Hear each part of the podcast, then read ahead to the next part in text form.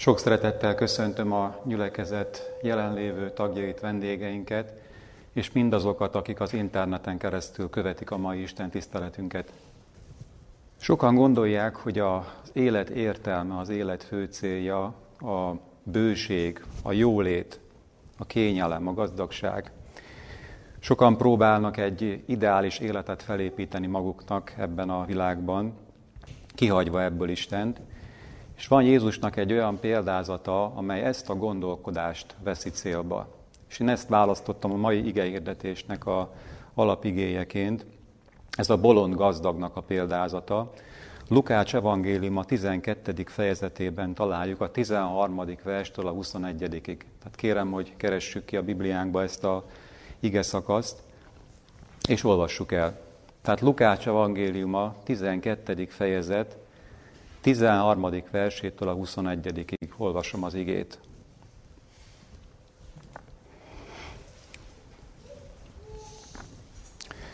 Mondta pedig néki egy a sokaság közül, Mester, mondd meg az én testvéremnek, hogy ossza meg velem az örökséget. Ő pedig mondta néki, ember, kitett engem köztetek bíróvá vagy osztóvá. Mondta azért nékik, meglássátok, hogy eltávoztassátok a telhetetlenséget, mert nem a vagyonnal való bővölködésben van az embernek az ő élete. És mondott, mondott nékik egy példázatot szólván. Egy gazdag embernek bőségesen termett a földje. Azért magában okoskodott, mondván, mit cselekedjem, mert nincs hová takarnom az én termésemet. És mondta, ezt cselekszem, az én csőreimet lerontom, és nagyobbakat építek, és azokba takarom minden gabonámat és az én javaimat. És ezt mondom az én lelkemnek. Én lelkem, sok javaid vannak, sok esztendőre eltéve. Tedd magad kényelembe, egyél, igyál, gyönyörködjél. Mondta pedig néki az Isten, bolond, ez éjjel elkérik a te lelkedette tőled, amiket pedig készítettél, kiéi lesznek. Így van dolga annak, aki kincset takar magának, és nem az Istenben gazdag. Kedves gyülekezet, egy olyan ige szakaszról van szó, amelyről elmondható, hogy ritkán kerül a ige, szombati igehirdetések alapigéjeként kiválasztásra. Krisztus példázatai című könyv egy külön fejezetet szán ennek a példázatnak, és Ellen White így fogalmaz a 171. oldalon, Krisztus azok oktalanságát szemléltette ezzel a példázattal, akik csak a föld életre gondolnak. Úgy gondolom, hogy ez nagy kísértés nem csak ugye az emberek számára általában, hanem hívő emberek számára is, hogy a föld élet dolgaira túl nagy figyelmet szenteljünk. És ezért gondoltam, hogy egy, egy fontos példázat, ennek a példázatnak a tanulságait tekintenénk tehát át, de láthattuk azt is, hogy felolvastam azt a kis beszélgetést is, ami a közvetlen előzménye volt a példázat elmondásának. Ez is nagyon fontos, hisz enélkül nem is értenénk meg magát a példázatot, hogy Jézus miért mondta el.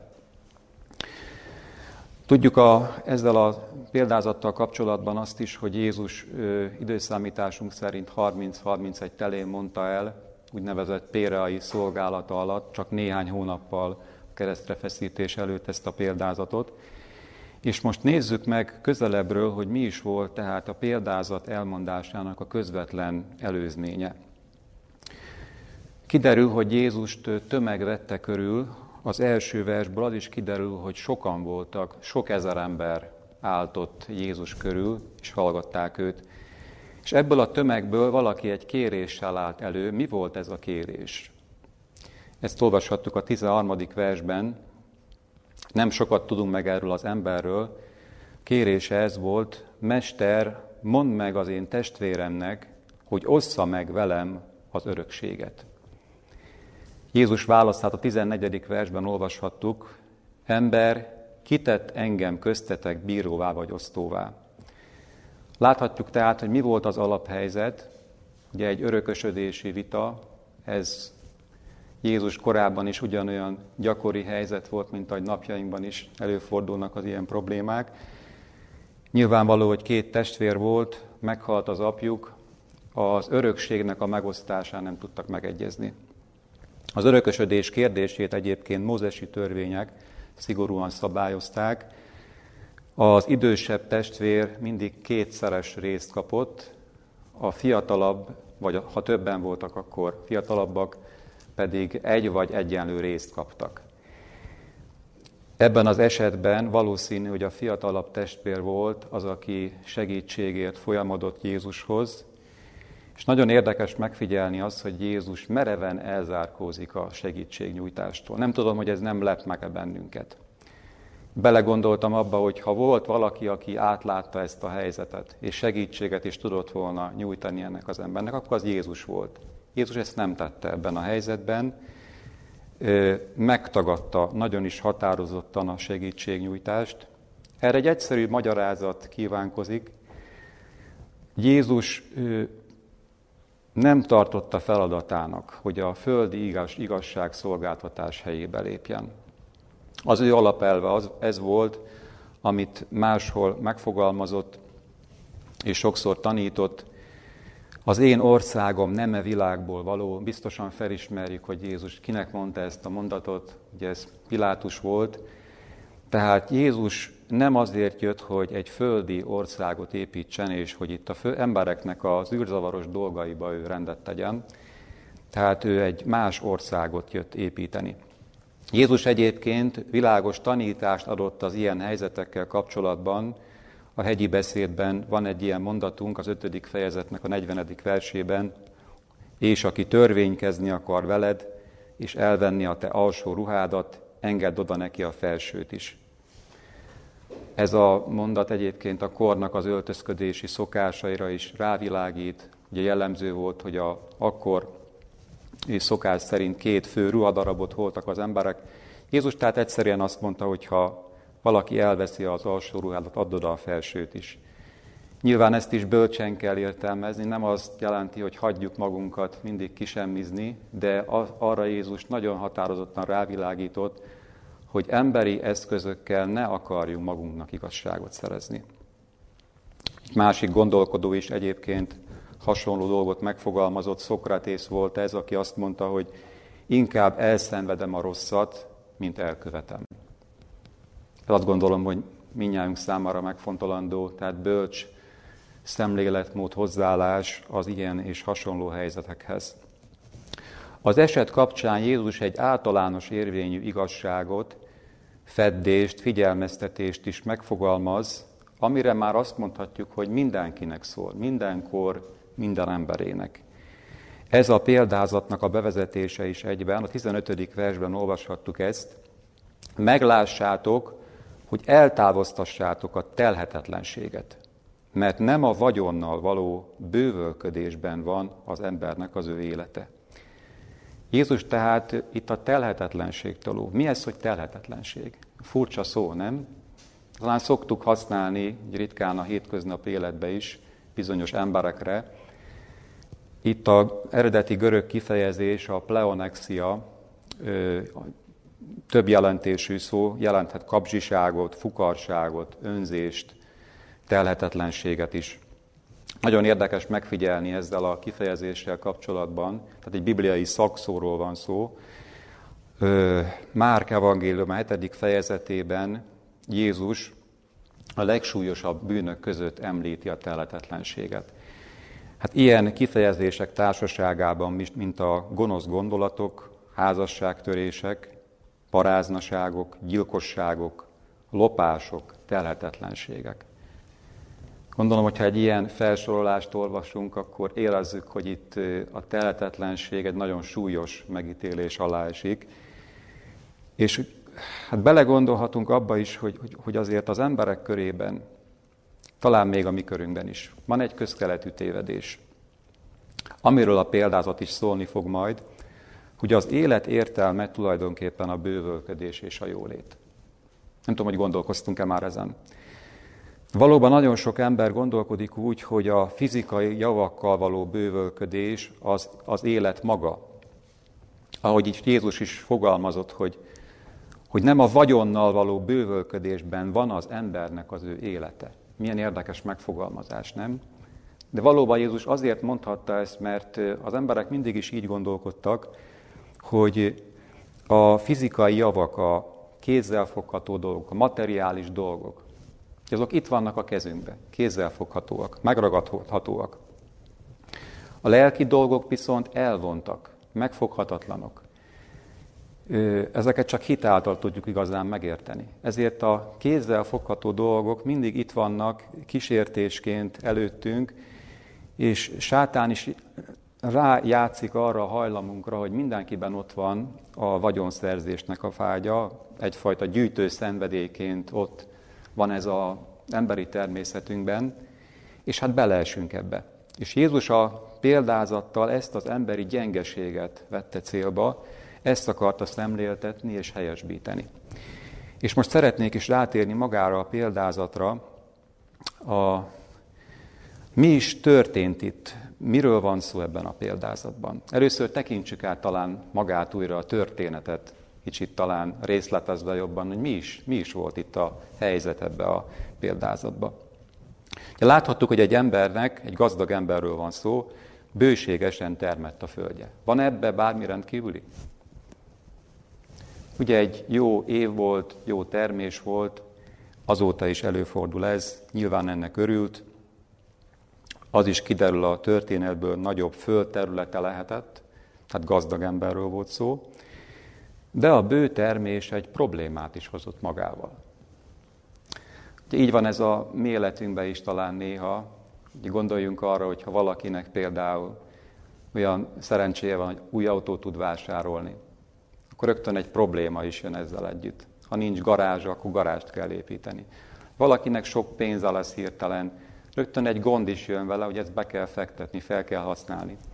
Van az angolban egy ilyen mondás, hogy vannak olyan problémák, amik jó problémák, amikkel szívesen foglalkozunk. Ez is egy ilyen probléma lehetett, nem? Nyugodtan mondhatjuk. Tehát a bőség, hogy bőségesen termett a földje, kellett tehát hely a tároláshoz, és rögtön rá is találta megoldásra, úgy tűnik, hogy ez nem kellett túl sokat töprengenie, elhatározta, hogy a meglévő tárolókat, csűröket lebontja és nagyobbakat épít. Itt helyezi el a gabonákat, a gabonát, a termést, és egyéb értékeire is utal, nem tudjuk, hogy azok mik lehettek még azon kívül, de úgy gondolkodott, hogy akkor átrendezi teljesen a vagyonát, a vagyontárgyait, és hát mindent biztonságba helyez. És ezután jön egy felismerés, mondhatnánk, vagy egy elhatározás, 19. versben. Az emberünk így gondolkodott, hogy ha már most be van biztosítva a jövőm, és látjuk azt is, hogy hosszú távon gondolkozott, nem tudom, megfigyeltétek hogy valóban hosszú távra gondolkozott, sok javaid vannak, sok esztendőre eltéve. Hát nem csak egy-két évre, hanem hosszú távra, évekről, évekről gondolkozott. Most már mi, mit tehet meg, amit eddig nem tehetett meg? Kényelembe helyezheti magát. Egyél, igyál, gyönyörködjél. Mondhatnánk, hogy most már élvezhetem az életet, a jövőn be van biztosítva, minden el van rendezve, és ekkor történik ugye egy váratlan fordulat a nagyon rövid történetünkben, váratlanul kiszólal meg most. Ugye maga az Isten. Milyen érdekes. Ezt az embert, aki így gondolkodott, mégis megszólítja az Isten, bolond, még ez éjjel elkérik a te lelkedet, tehát meg fog halni, és ott jön a szembesítő kérdés is, hogy a, vagyon kié lesz? Kinek fogod ezt átadni? Láthatjuk tehát, hogy a gazdag ember életműve egy pillanat alatt semmivé lesz ezáltal. És a 21. versben Jézus egy összegzést fűz még ehhez a példázathoz, tanulságot.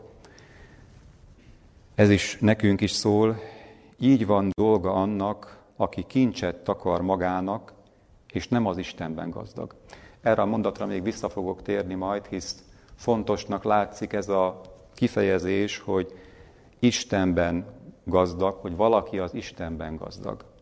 Van földi gazdagság, hogy kincset takarunk magunknak, kézzel fogható javakat gyűjtünk, a figyelmünket ezek kötik le, és van egy olyan fajta gazdagság, ugye, ami egy jó gazdagságnak nevezhetünk, kívánatos gazdagságnak, hogy az Istenben legyünk gazdagok. Tehát erre mindenképpen fontos lesz még visszatérnünk erre a mondatra, erre a gondolatra, ezt majd meg fogom tenni.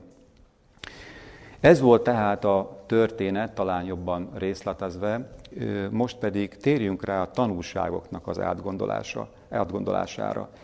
Hisz ez a kis rövid történet, én se gondoltam volna még, amikor először olvastam, hogy, hogy, valóban mennyi tanulságot rejt. Talán egy-egy szónál is meg lehet állni, és úgy el lehet gondolkozni. Hisz láthattuk, hogy, hogy itt bőségről van szó. Aztán láttuk olyat, hogy kényelem, hogy helyez magad kényelembe. Egyél, így áll, gyönyörködjél. Ugye mind a mai világunkban is ismerősen hangzanak ezek a kifejezések, nem? Meg hát látjuk is a, az emberek körében ezt a fajta gondolkodást. Tehát érdemes kicsit jobban részleteznünk és tanulságait átgondolni. Az első kérdés, amit szeretnék feltenni a példázattal kapcsolatban, és ez főleg az elejére vonatkozna az első felére, hogy mi hogyan tekintünk a mi javainkra. Lehet, hogy nem vagyunk gazdagok. Lehet, hogy úgy érezzük, hogy szegények vagyunk, vagy csak középosztályhoz tartozó javaink vannak, vagy, vagy mennyiségű hát, birtok áll a rendelkezésünkre. Mégis mindegyikünknek fel kell tenni ezt a kérdést. Hogyan tekintünk tehát a javainkra? Visszatérnék a történethez. Kérdezném, hogy bűn volt az, hogy ő gabonát termesztett, és hogy bőséges volt a termése? Egyáltalán nem. Ugye? Sőt, ennek alapján még azt is gondolhatjuk, hogy egy szorgalmas ember volt, egy, egy dolgos ember, bizonyára ő maga is megdolgozott a javaiért, nem véletlenül termett ilyen jól a földje. Tehát ez nem bűn, ez nem is mondhatnánk, hogy vétek vagy hiba, ez egy erény volt inkább. Mégis azt látjuk a folytatásban, hogy valamiről megfeledkezik, és a bőségről azt is ugye elmondhatjuk, hogy egy jó dolog önmagában a bőség, de mindig magával hoz egy veszélyt is, egy kísértést. Mi volt az, amiben ez az ember beleesett pont a bőség következtében? Én magamnak így fogalmaztam meg, hogy itt tulajdonképpen az történt, hogy ő a legfontosabb dologról feledkezett el, arról, hogy kitől kapta mindezeket. Arról, hogy a, hogy jöttek az áldások, ugye a napfény, a, a víz, a jó föld. Nyilván ezek hozzájárultak a bőséges terméshez. A vetőmag, a vetőmagot, az erőt is, amit a, a munkájához kapott, amely által dolgozhatott, ezek mind az Istentől jöttek. Az Isten által jutott, juthatott ezekhez, az Isten ajándékai voltak, ő pedig csak sáfára vagyonkezelője volt mindezeknek a javaknak. És erről elfeledkezett. Tehát az áldások forrásáról, a Jóistenről feledkezett el. Mondhatjuk, hogy ez komoly hiba volt? A Biblia sok helyen szól a feledékenységről. Hát a mai világban a feledékenységet sokszor csak egy ilyen apró gyengeségnek tekintjük, hanem bocsánatos bűnnek. A Biblia szerint a feledékenység a legnagyobb problémákhoz, katasztrófákhoz vezethet az életünkbe. Az Isten áldásairól feledkezünk meg, abból sokszor hálátlanság lehet, zúgolódás és nagy-nagy problémák az életünkben. Itt is tehát ez történt, és az egyik hiba hozta magával a másikat, az Istenről elfeledkezett, sajátjának tekintette a gazdagságát, mintha kizárólag a saját kezével jutott volna ezekhez, ő maga szerezte volna meg. Figyeljük meg a 18. versben a megfogalmazást, hogy ezt cselekszem, az én csűreimet lerontom, és nagyobbakat építek, és azokba takarom minden gabonámat, és az én javaimat. Nem tudom, hogy megfigyeltük-e a, magát a megfogalmazást, hogy az is nagyon árulkodó, hogy, hogy csűreim, hogy a gabonáim, a javaim. Kin van itt a hangsúly, hogy ugye ezt én szereztem meg, ezek az enyém. És hát sajnos elfeledkezett az Ószövetségnek arról az intéséről, intéséről is, hogy ne mondd azt a te szívedben. És vigyázzunk, mi sem mondjuk soha ezt, hogy az én hatalmam és az én kezeimnek ereje szerezte nékem a gazdagságot. Mózes 5. könyve 8. fejezetének a 17. verse volt ez. Láthatjuk a folytatásban, hogy a, példázatbeli ember milyen terveket szőtt, látszólag teljesen észszerű döntés volt az, hogy nagyobb gabonatárolókat kell építeni, de látjuk azt is, hogy érzékelhetjük, hogy teljesen átadta magát e vállalkozásának. Tulajdonképpen egy okoskodássá vált mindaz, amit ő elhatározott, mert elfeledkezett Istenről. És nagyon igaz rá is az a, az ige, amit a római levélben olvashatunk, a első fejezet 21. versében, ez is ismerős vers lehet, mert bár az Istent nem ismerték, mindazáltal nem mint Isten dicsőítették. Sem néki hálákat nem adtak, hanem az ő okoskodásaikban nyilvánvalókká lettek, és az ő balgatak szívük megsötétedett. Nem tudom, érzékeljük-e, itt is az a kifejezés van, ami a példázatban is megjelent, hogy ő okoskodott. Erre is vigyáznunk kell. Ugye az életünkben könnyen megjelenik ez, hogy ugye emberileg kezdünk el gondolkodni, hogy mit fogunk tenni, mi lehet a helyes egy helyzetbe, az Istent kihagyva a számításainkból, és az okoskodásból mindig az lesz, amit itt is olvastunk, hogy balgatag szívünk megsötétedik. Itt is ez történt a példázatban. Szeretném azt kérdezni, hogy csak a gazdagok kísértése, hogy elfeledkezzenek Istenről? Vagy csak a bőség idején van ilyen? Sajnos bármikor megtörténhet. A kevés is tör lehet egyébként. Mindig emlékeznünk kell erre az igére, amit Jakab apostol így fogalmaz az első fejezet 17. versében, az ő levelében, hogy minden jó adomány és minden tökéletes ajándék felülről származik, és a világosságoknak atyától száll alá. Tehát minden ajándék, akár kevés van ezekből, akár sok, vagy bőségbe jönnek, minden jó adomány, minden tökéletes ajándék felülről jön. És ne feledkezzünk el erről. Azt a kérdést is feltehetném, hogy bennünket is hatalmába kerít néha a gyűjtő szenvedély. Ezt látjuk Jézus is a végén erre utal, hogy mi ne földi kincseket takarjunk, ne azokat gyűjtsük. Az ember is gyűjtötte a dolgait, a, a földi javait. Van a Zsoltárok könyvében egy ilyen ige, a 39. Zsoltár 7. verse, ami erre figyelmeztet bennünket, ettől óv, hogy az ember rakásra gyűjt, és nem tudja, ki takarítja be azokat. Megdöbbentő ez a mondat, nem? Ez a figyelmeztetés.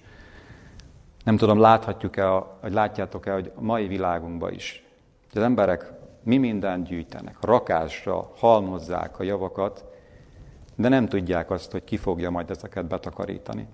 Ki tudja ezeket majd átvenni.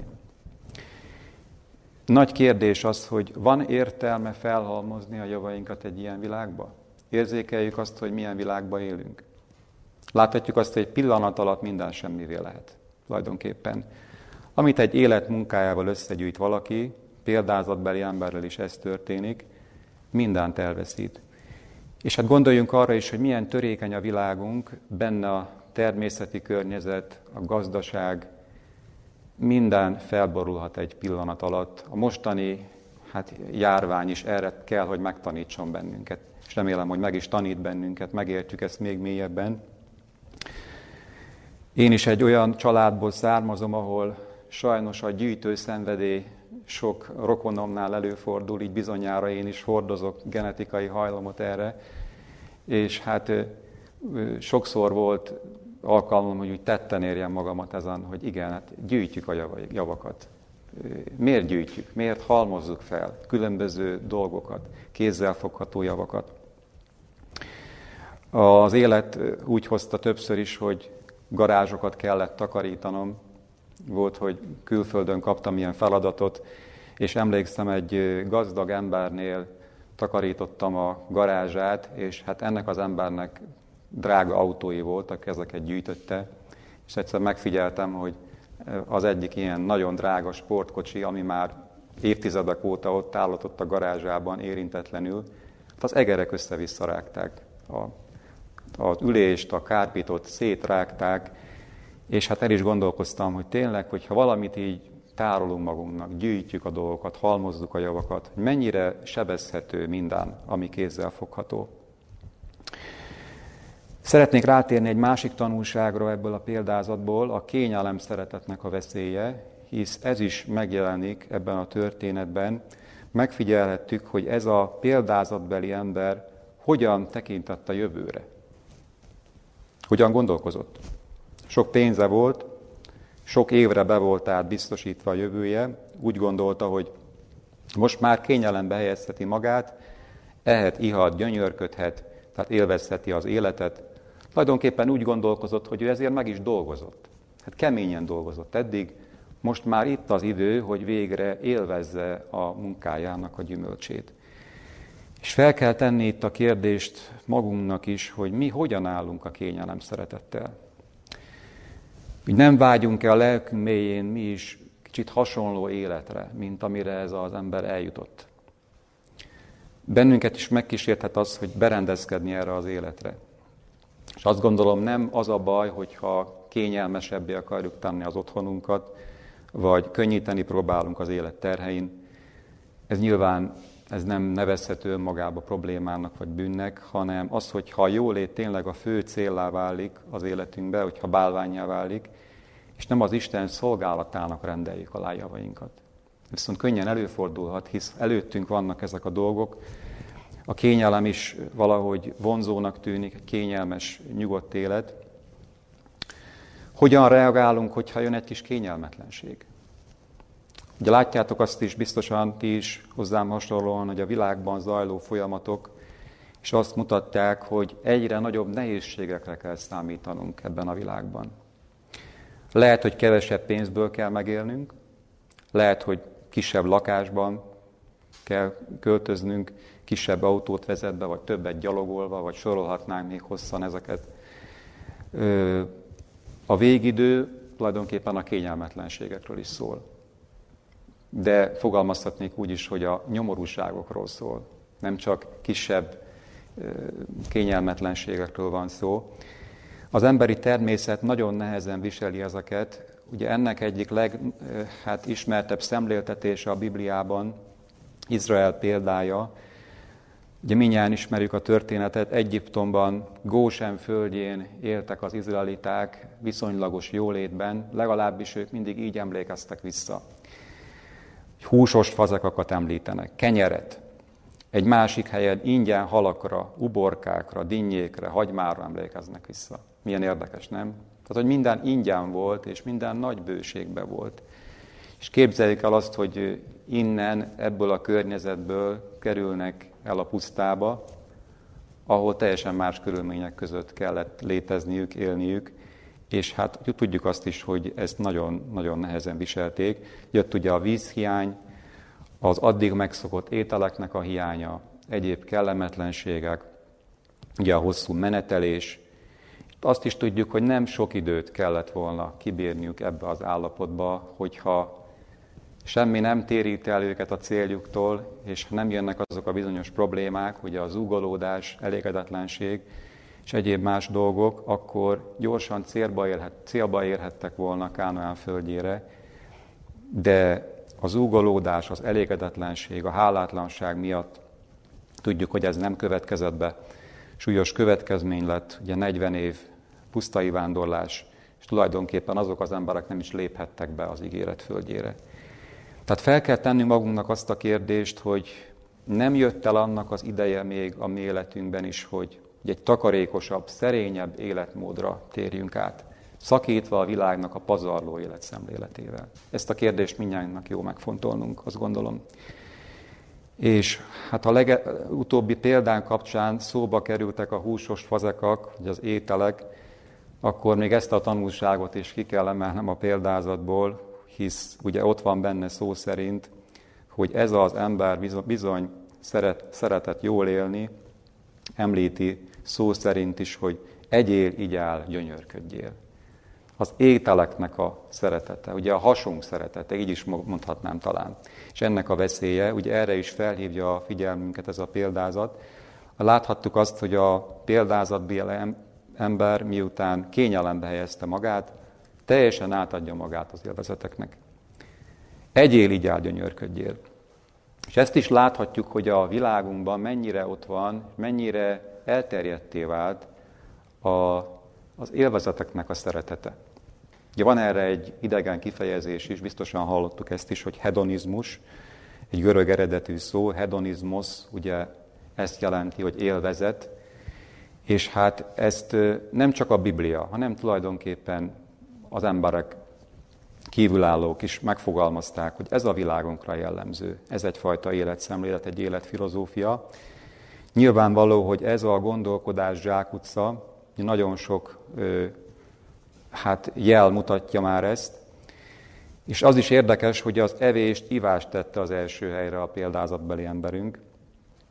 Nyilvánvalóan arra mutat, hogy számára ez nagyon fontos volt, és azt is tudjuk, hogy az önuralom, a mértékletesség elvének a felrugása is nagyon súlyos következményekkel jár. Ugye az egészségügyi következmények nyilvánvalóak. Erről is lehetne nagyon sokat beszélni. Most nyilván nem teszem, csak utalnék egy-két tényre. Például nem tudom, tudtuk-e azt, hogy Magyarország az elhízás tekintetében negyedik helyen áll világviszonylatban. Hát ez szomorú dicsőség, azt lehet mondani, és más betegségek tekintetében is nagyon rosszul állunk. Ennek nyilván van oka, hogy miért. Magyar ember szeret enni, de ez tulajdonképpen az egész világra jellemző. És látjuk ennek a természeti környezetre való hatásait is. Mindenki megsínyli ennek a következményét. Ott van a rengeteg hulladék, az erdőknek az eltűnése, az éghajlatváltozás, Tulajdonképpen mindezek összefüggnek valahol ezzel az életszemlélettel, hogy egyél, igyál, gyönyörködjél. És még egyről nem beszéltem, ami ezeknél is súlyosabb következmény. Mi lehet ez? Jelen Gould nagyon világosan rámutat erre több helyen is idézetekben, hogy a mértéktelen evésnek, ivásnak egy nagyon súlyos következménye van, a fizikai egészségünkön túl az erkölcsi következmény, az erkölcsi ítélőképességnek a meggyengülése, és hát ha így vesszük, ez az üdvösségünk elvesztését is okozhatja nyilvánvalóan. Ezt is jó tehát átgondolni, és ez minnyájunk kísértése, azt gondolom, hogy ezt nem tekinti senki túlzásnak, ha azt mondom, minnyájunkat fenyeget tehát ez a gondolkodás, hogy csak enni, inni mértéktelenül. Egy másik dolog az, hogyha még nem is egészséges ételeket fogyasztunk, nyilván egészséges ételekből is lehet túlzásba esni, tehát erre is vigyáznunk kell, és ez is egy, mondhatnánk egy, egy komoly tanulság ennek a történetnek, tehát vigyázzunk, egy, enni, inni, gyönyörködni. Tudjuk, hogy melyik világra volt ez jellemző még, ami de Jézus is hivatkozott, hogy a vízözön előtti világban ugyanez volt a gondolkodás, ettek, ittak, ott még hozzáteszi a házasodást is.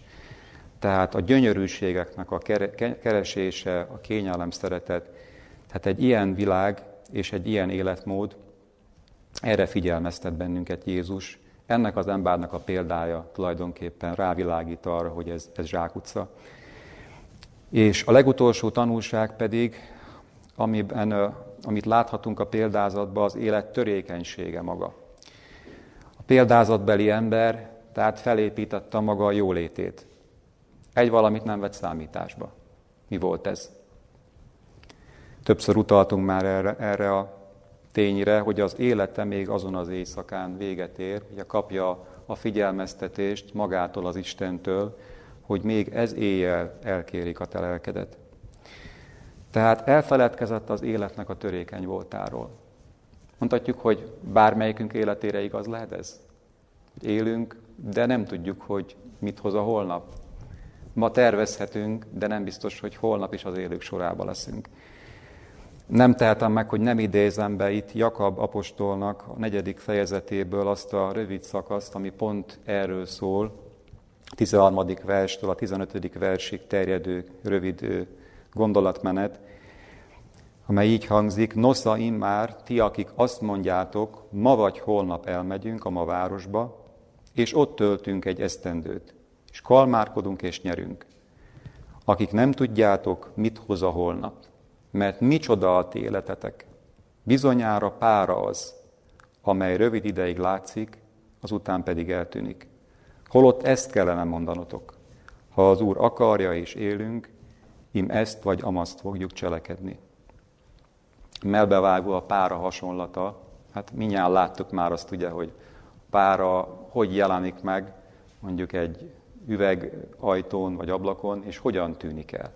A pillanatok alatt. Ezzel szemlélteti tehát az életnek a rövidségét, törékenységét.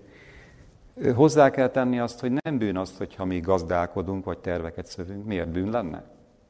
Nem, nagyon világosá teszi ezt Jakab apostol is, hogyha hozzátesszük azt, hogy az Úr akarja és élünk. Az Isten ö, akaratát kérve először, az Isten vezetését kérve. Igen, lehet gazdálkodni, lehet ö, akár ö, terveket szőni, lehet fejlődést elérni.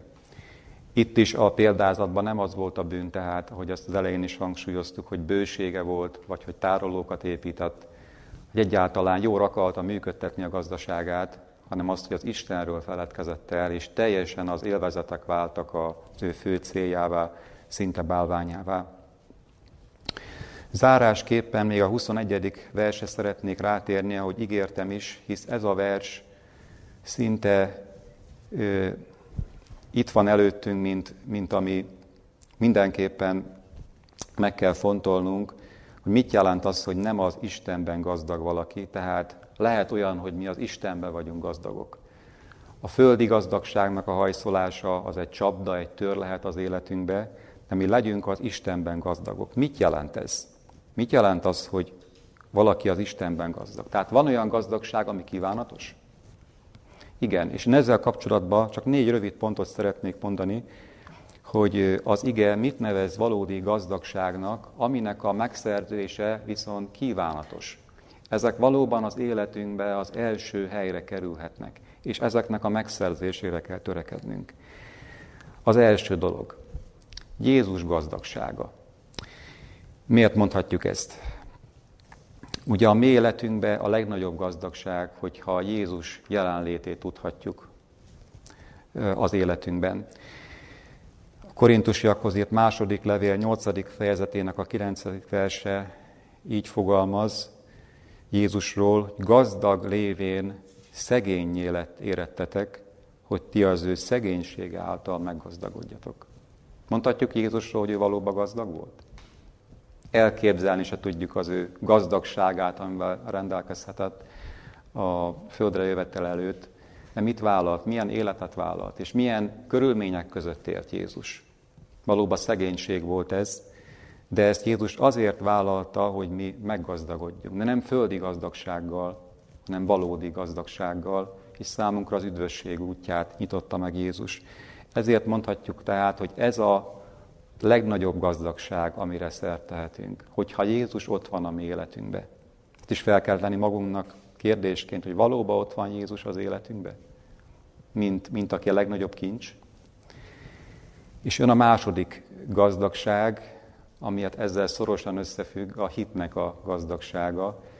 Tehát biztosan eszünkbe jutnak, jutnak olyan biblia versek, ahol a hitát valóban kincsnek nevezi a Biblia. Egyik legismertebb ilyen ige jelenések könyvében található a harmadik fejezetben, ahol az ige tűzben megpróbált aranynak nevezi a hitet. Hát ez is milyen nagy kincs, nem? Tűzben megpróbált arany. A valódi érték, a valódi kincs. Ha valaki hitre tud szert az életben. A hitet Jézus mindenkinek adja. Mindenkinek akarja adni. Ez nem csak egyeseknek a kiváltsága, Tulajdonképpen mindenki képes is lenne a hitre, hogyha az életében ezt választaná, hogyha ezt kérni az Istentől.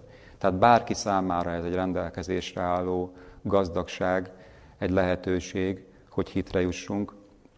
És ott van harmadikként az a kincs, amiből az előző kettő is fogad, amit eddig említettünk, ahol megtalálhatjuk magát Jézust is és az igazi hitet is, ez pedig az igének a gazdagsága.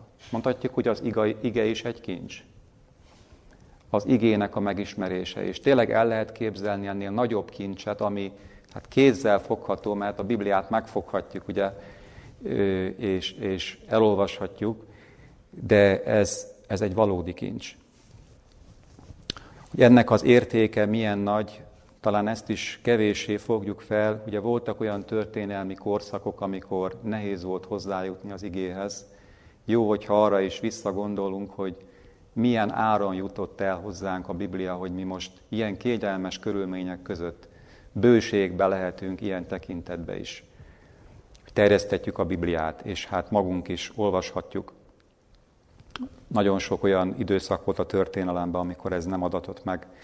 Jelenések könyve utal olyan korszakra, olyan történelmi korszakra, ugye amikor a buzának mércéje egy dénár, és az árpának három mércéje egy dénár volt, utalva arra az ínségre, ami, hát ugye tudjuk a középkorba sajnos megvolt, a nehéz volt hozzájutni az igéhez.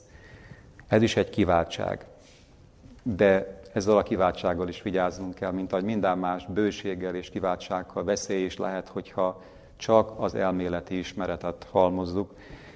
De ezzel együtt nyilván az ige egy nagy kincs számunkra, és még egy kincset hozzá kell tennem, ami nélkül tulajdonképpen ezeket az értékeket is elveszíthetjük. A jó cselekedeteknek a, a gazdagsága, tulajdonképpen a jellemnek a gazdagsága. Ez a negyedik kincs, amit szeretnék említeni. Van a Bibliában egy olyan szereplő, ez Tábita volt neve, másik nevén Dorkás, apostolok cselekedetében olvashatunk róla, Ugye ez egy fiatal hölgy volt, akiről azt olvassuk, hogy gazdag volt jó cselekedetekben. Itt van egy másfajta gazdagság ugye az eddigiek mellett, hogy jó cselekedetekben gazdagnak lenni. És valahogy azt is érezzük, hogy az ige gazdagsága, vagy a hit gazdagsága, hogyha, hogyha nincsenek ott a jó cselekedetek, akkor tulajdonképpen ez is csak egy, egy elméleti ismeretté silányul, tehát vagy ennek a megszerzésére is törekednünk kell. Tulajdonképpen a hit is, maga Jézus is erre tesz bennünket képessé, ahhoz ad erőt, hogy, hogy mi igazán a jó cselekedetekben lehessünk gazdagok. Nem ez hiányzott ennél a példázatbeli embernél? Megtehette volna, nem? Hisz voltak eszközei hozzá, lehetőségei, a bősége éppen azért volt, hogy ezt mások javára fordítsa, és hogy, gazdag legyen jó cselekedetekben. Mi is erre törekedjünk. Ez tehát, ez is a valódi gazdagság. Ezek tehát a menyei kincsek, amelyeken nem fog a rozsda, ugye, vagy a moly, vagy tolvajok, ezt nem tudják ellopni. Ez majd a végső tüzet is ki fogja állni, hisz tudjuk, hogy az is vár még erre a világra, világra a végső tűz, a megsemmisülés, de ezek a kincsek, ha ezeket, ezeket szerezzük meg, ezek ki fogják állni ezeket a próbákat, és ezekkel együtt majd valóban gazdagon, valódi gazdagsággal léphetünk be a, az Isten országába. Én azt kívánom, hogy fontoljuk meg ezeket, fontoljuk meg a példázatnak a tanulságait, a mondani valóját, és törekedjünk mi is arra, hogy, hogy valóban az Istenben legyünk gazdagok. A Jóisten segítsen ebben bennünket. Amen. Jó Istenünk, mennyi atyánk, köszönjük, hogy hozzád jöhetünk, köszönjük ezt az ige szakaszt, köszönjük Istenünk azt, hogy Te annyi minden jóval láttál el bennünket, fel sem tudjuk ezeket mérni. Ha, ha visszatekintünk a, az életünk eddigi részére, láthatjuk, hogy mennyi kézzelfogható áldás jött. Mennyi olyan kincset is adtál nekünk, amik nem is kézzelfoghatóak.